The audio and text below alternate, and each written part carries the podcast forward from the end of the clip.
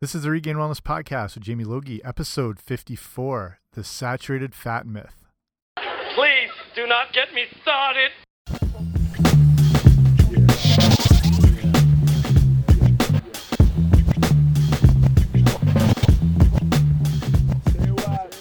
Hey guys, what's happening? Welcome back to the podcast. I'm Jamie Logie. I run RegainedWellness.com, and this is the Regained Wellness Podcast. Thank you so much for joining me here today in a topic that, despite what Mike Myers said there as Linda Richman, I will get started on. A lot of people um, are confused about it the whole saturated fat myth. What are good fats? What are bad fats? Uh, I'm going to break it all down here for you. But uh, first off, make sure you swing by regainedwellness.com. If you haven't, what are you doing? Go check it out. I've got everything on there that you could use to get healthy and well articles, blogs, guides, regainedwellness.com. Hit it up, it's there for you. And I don't want to waste any more time, and let's get into the whole saturated fat issue. Okay, let's do this thing. So, with the whole saturated fat issue, um, there's many, you know, just in general, there are so many ideas and thoughts we have that in, are ingrained in us as truth. And the vilification of saturated fats over the years has been one of those things that people have just accepted without really looking into it. So, what is saturated fat, and does it really cause a great detriment to our health? So, just want to look at this idea of a few, you know, common facts that we take as gospel. You know, there's certain things that we've just come to accept as a truth without ever looking into it. Just you know, the such as the idea that Kim Kardashian has any real talent. So certain ideas and facts are sprouted off as gospel truth, and I'm sure many of us have uttered a few of these following facts. One that the uh, Great Wall of China is the only man-made object visible from space. So that's an interesting thing. The question is from what point in space? Astronauts on the moon say this is not true, and even up at higher altitudes above the Earth. NASA members on board the International Space Station say it is not visible as the material used to make it is the same color and texture as what surrounds it. When they get to low Earth orbit, the Great Wall can become visible, but so can a lot of other things, such as the pyramids and even entire cities.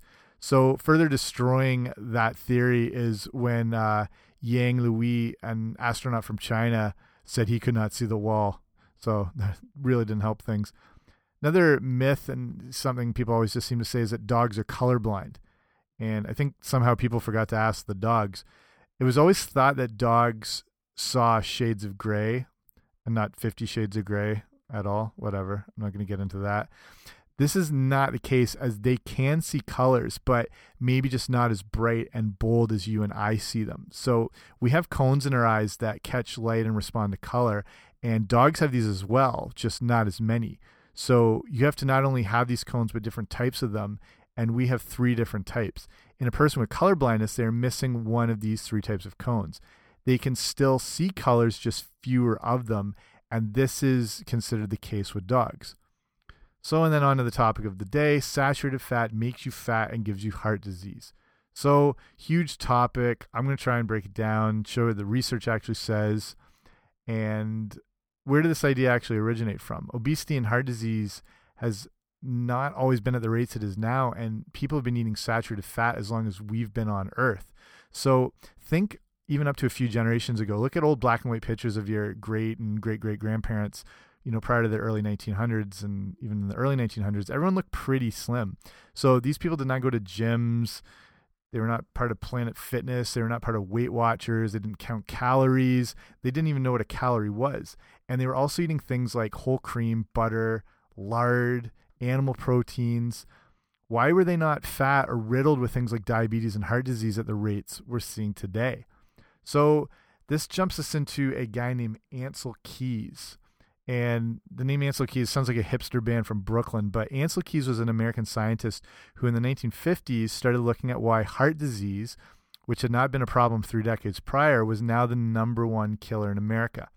So Keys conducted what was called the seven country study to look into why this was so. And questions arise as to if Keys already had a conclusion in his head and then selected only countries that would support the hypothesis. So the countries he looked at were the United States, Finland, Netherlands, Italy, Yugoslavia, Croatia, and Serbia. So these hand-picked countries chose to not include places where there was a very high saturated fat intake, yet they did not suffer from high rates of heart disease, such as France, Switzerland, Sweden, and West Germany. You probably you maybe heard of something called the the French paradox, where they eat an extremely high uh, diet in saturated fat, but they don't have the high um, heart disease rates and, and death like that. And that's been looked at a lot in studies. They're just called the French paradox. Keys also left off countries that had high heart disease rate, but a lower saturated fat intake, such as Chile. Um, basically, there were 22 countries that had available data, but Keys only selected the few that matched his hypothesis. So this is if you play hockey, this is more blatant cherry picking than when a guy just not come back on defense waiting for a breakaway pass to hit the other net. Um, so what happened is Keys became a part of the committee for the American Heart Association association and his ability to influence and persuade which he was really good at allowed for the the grand spread of his message despite a lot of skepticism by the committee and people who were more educated or more knowledgeable on the subject. Either way, the advice to avoid saturated fat basically became the guideline for decades. In the meantime, there were criticisms of the seven country study that was saying saturated fat was causing heart disease. Keys was studying what they call a tenuous association between the two and not if there was any possible proof of causation. He was just looking at the data all lumped together and not if the it was actually directly causing um, heart disease, which is kind of that idea of when you group a bunch of data together that says there's actually, you know, they have studies that say um, when there's more ice cream consumed, the murder rate goes up. And this is something that's actually all put together that people have looked at. And it's just that idea that people tend to eat ice cream when it's hotter out. And when it's hotter is when people are a little more run down, a little more irritable, and they've just been able to, you know, show that connection that more ice cream leads to more murders. Obviously, has no connection at all, unless you can't get a Chipwich or something like that. But just that idea that there's no direct cause, but when you group all this information together, you can make these conclusions. So people um, have also associated that the consumption of cholesterol with a rise in cholesterol in the body, but you know that's always gone sort of hand in hand with um, the saturated fat issue.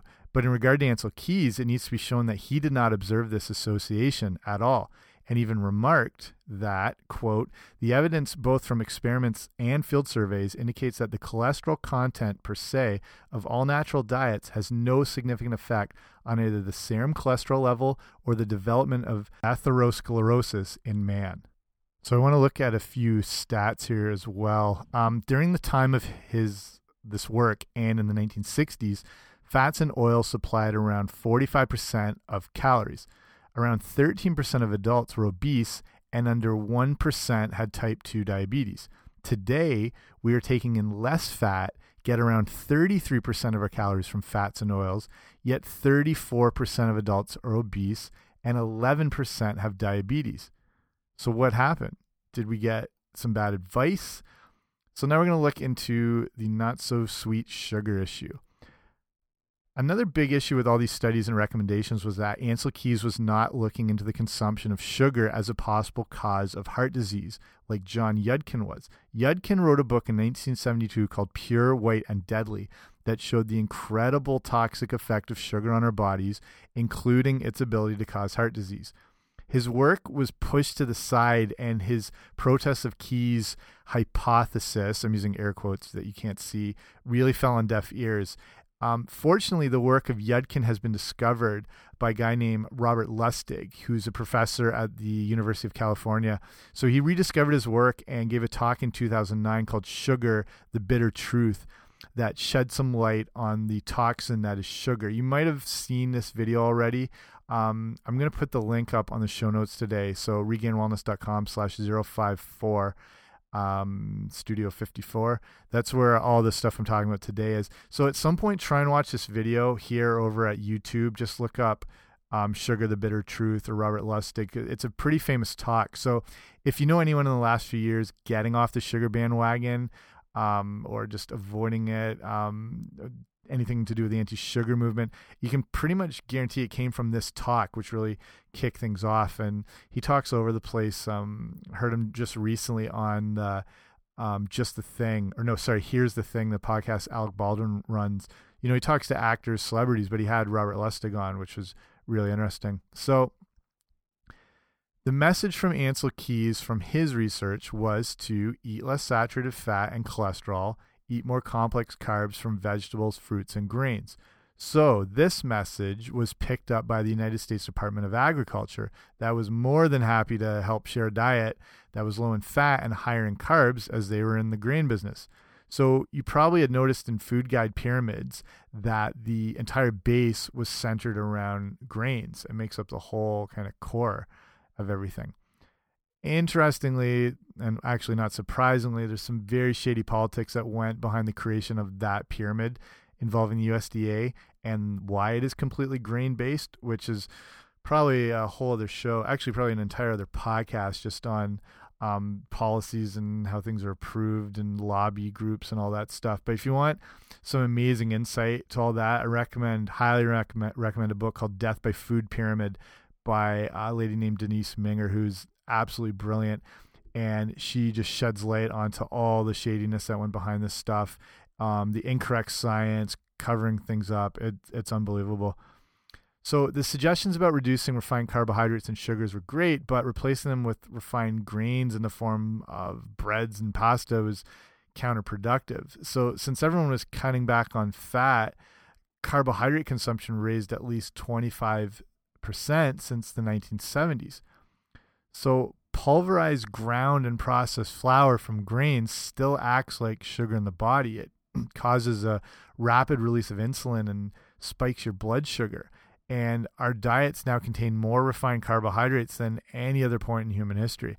This is why when you look at um, what's called the glycemic index, which is a measurement of how a food affects your blood sugar and your insulin, you can see how um, whole wheat bread is at a 71 well, honey is a 61 and even uh, something like a Snickers bar is down around a 51. Even straight table sugar is around a 60. So anything that's starting to get up higher around, you know, past 40, 50, when you start getting in the 70s and 80s, you're, you're looking at extremely fast acting carbs that spike your blood sugar. So whole wheat bread is up higher than even normal table sugar. So, um, this led to the explosion of low fat foods. So manufacturer, manufacturers capitalizing on the low fat instructions released a ton of fat free products that still appear on shelves today. The problem is when you remove fats, it has to be replaced by something to still give that food a texture um, or baking characteristics or even even that mouth feel. And carbs in the form of corn, refined flours, rice, and potato starch were substituted in to replace saturated fats.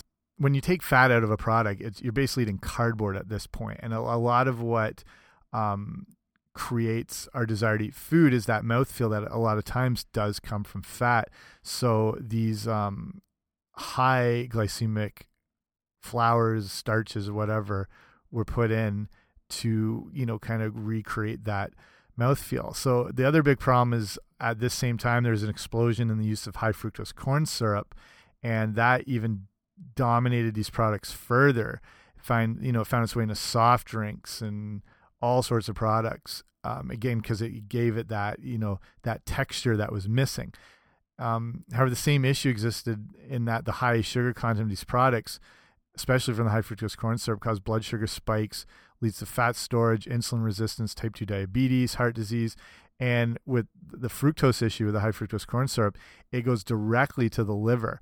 Um, and it just overwhelms the liver, eh, sorry, liver and can lead to um, lipogenesis, which is the production of triglycerides and cholesterols, and can lead to fatty liver, which affects around 70 million Americans, and that's the danger with the, the high fructose corn syrup. So, eating a diet primarily of carbs, whether it's sugars, breads, or grains, and very little fat, keep these insulin levels constantly high, and at the same time, they continue to make us hungry. They're addicting.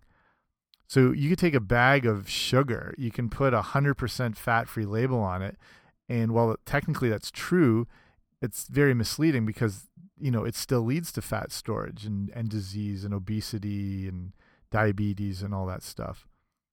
Then the next issue that comes up is the danger of vegetable oils. So since we are no longer able to use animal fats such as, you know, butter, lard, all that sort of things to to cook and to bake with, what's going to replace them? This is when vegetable oils appear on the scene in the form of margarine from canola, soybean, sunflower, corn oil. If you're looking at the big three crops in the world, it's wheat, soy, and corn, and um, they make up a majority of these things. So these went into straight bottles of liquid form to replace the butter that we were no longer consuming. So our dependence on these oils led us to consume more trans fats, which most everyone is aware of. Um, this is, you know, basically where hydrogen atoms are injected into a vegetable oil, makes them more solid at room temperature. Um, they're now at this state known as partially hydrogenated fats. They again allow for better textures, better baking characteristics, gives that browning effect to baked goods and foods. And most importantly, though, to manufacturers, it's cheap and it has a long, long shelf life. So it leads to a lot less wastage. If you've eaten a package or processed food, you can be pretty sure you have consumed some trans fat. So now you're looking at a substance that can raise your bad cholesterol, it can lower your good cholesterol, and ironically increase your risk of heart disease. This stuff is absolute poison and has no place in a human diet. So, what are the studies saying about saturated fat? So here it is. The real studies, and I'm going to link all this stuff up again in the show notes, regainedwellness.com slash 054. These studies are showing that there is no link between saturated fat and heart disease. And a lot of these main studies are from the American Journal of Clinical Nutrition. And they'd collected data from 21 unique studies that included over 350,000 people. 11,000 of these people developed cardiovascular disease. They were tracked over 14 years and was concluded that there was no relationship between the intake of saturated fat and the incidence of heart disease or stroke. There's long term studies that show no association between saturated fat intake and blood cholesterol levels. One study that had 58,000 Japanese men that were studied for an average of 14 years and found there's no association between saturated fat intake and heart disease. And it goes on. Unprocessed saturated fat is not the enemy. The sugar is the enemy. The trans fats are the enemy. The refined carbohydrates are the enemy. The things that we've had to manufacture are the enemy. Heart disease is a result of inflammation and oxidative stress, and these things are to blame for that. Um, at the moment, the main sources of saturated fat in the average diet are pizza and cheese. Um, and now, even you know, the Harvard School of Public Health is recognizing that they need to end the low fat myth. So, uh, have a look at these studies for yourself and and read them and look deeper. They're all there, and people who've taken a lot of time with a lot of people to look at what the actual evidence is saying. I mean, this had already been observed by Weston A. Price when he looked at primitive societies that were eating large amounts of saturated fat and they were not obese. They weren't showing signs of heart disease. It's when they introduced in modern foods and sugars that they began to see the occurrence of things like diabetes and heart diseases and um, diseases of a Western civilization. So uh, I have another podcast all about Weston A. Price. If you want to listen, I'll link that up as well. He, if if you're not familiar with him, he was a dentist who lived in the 1930s, who was noticing that the pa- the children of his patients were developing all these um, cavities and dental issues that his parents had never that the parents had never seen, and he was wondering why that is. Started looking closer, seeing how their diet had changed. This is a time, you know, you know, as the industrial revolution had furthered and there's more manufactured products that were easily more accessible and he was seeing the damage that we're doing. So that led him around the world to some of the most remote tribes and civilizations on earth to see what the primitive natural diet was like and then seeing these places where they had started introducing in this manufactured processed food and the damage it was doing. And this is back in the 30s. This is before high fructose corn syrup or aspartame or chemical sweeteners or stuff like that. And, you know, now we can see the damage that all these modern things are really doing. So then let's look at what the actual benefits are of getting good saturated fat, the good healthy fats. So not only you know are saturated fats not the evil they have been proclaimed to be, but they're they're fats that are essential for us. That's why we call them the essential fatty acids. Our body cannot make them, so they must come from our diet. And they're key in things like creating hormones and regulating the thyroid and adrenal activity. They help improve our good cholesterol. They are required for proper brain function. They help keep us full. They promote satiety. They regulate blood pressure. They prevent blood clots that lead to heart attacks. They have anti inflammatory properties. We need fat. Like we are fat. We're made of fat. It makes up our brains and they're crucial for us to function optimally. When you have a lack of healthy fat, it can lead to things like mood swings, memory loss, dementia, vision problems, poor skin and hair. It just keeps going on. It's worth noting how, you know, there are essential amino acids and essential fatty acids that our body requires but there's no such thing as an essential carbohydrate or an essential grain or anything like that.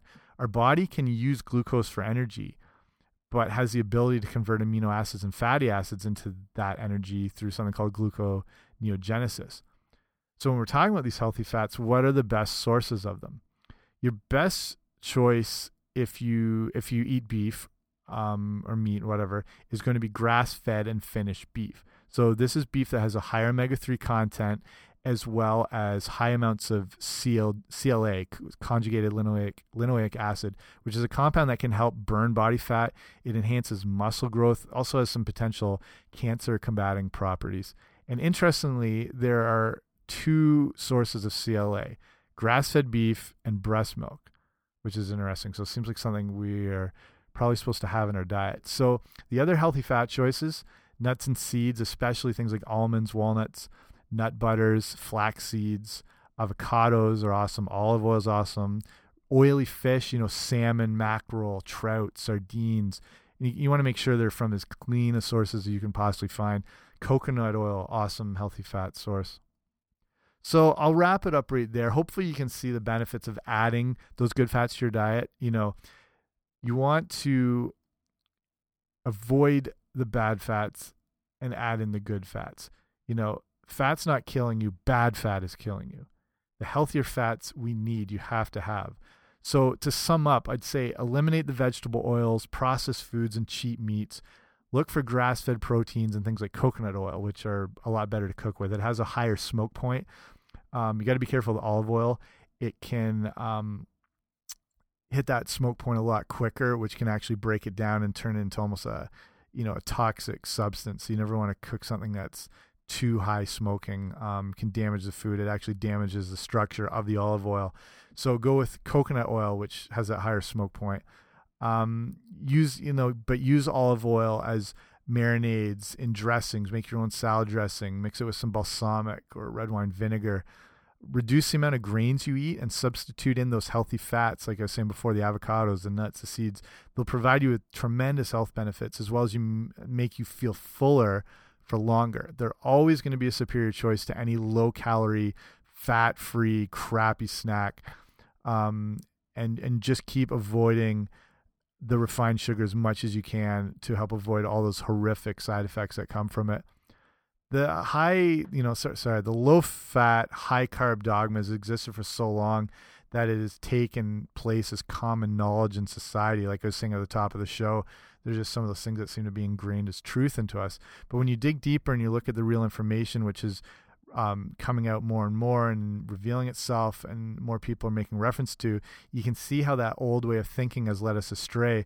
And looking back at Ancel Keys um, and that time period, which kind of steered us in the wrong direction. So, like I say, continue to do your own research, read as much as you can, listen to as much as you can, watch as much as you can.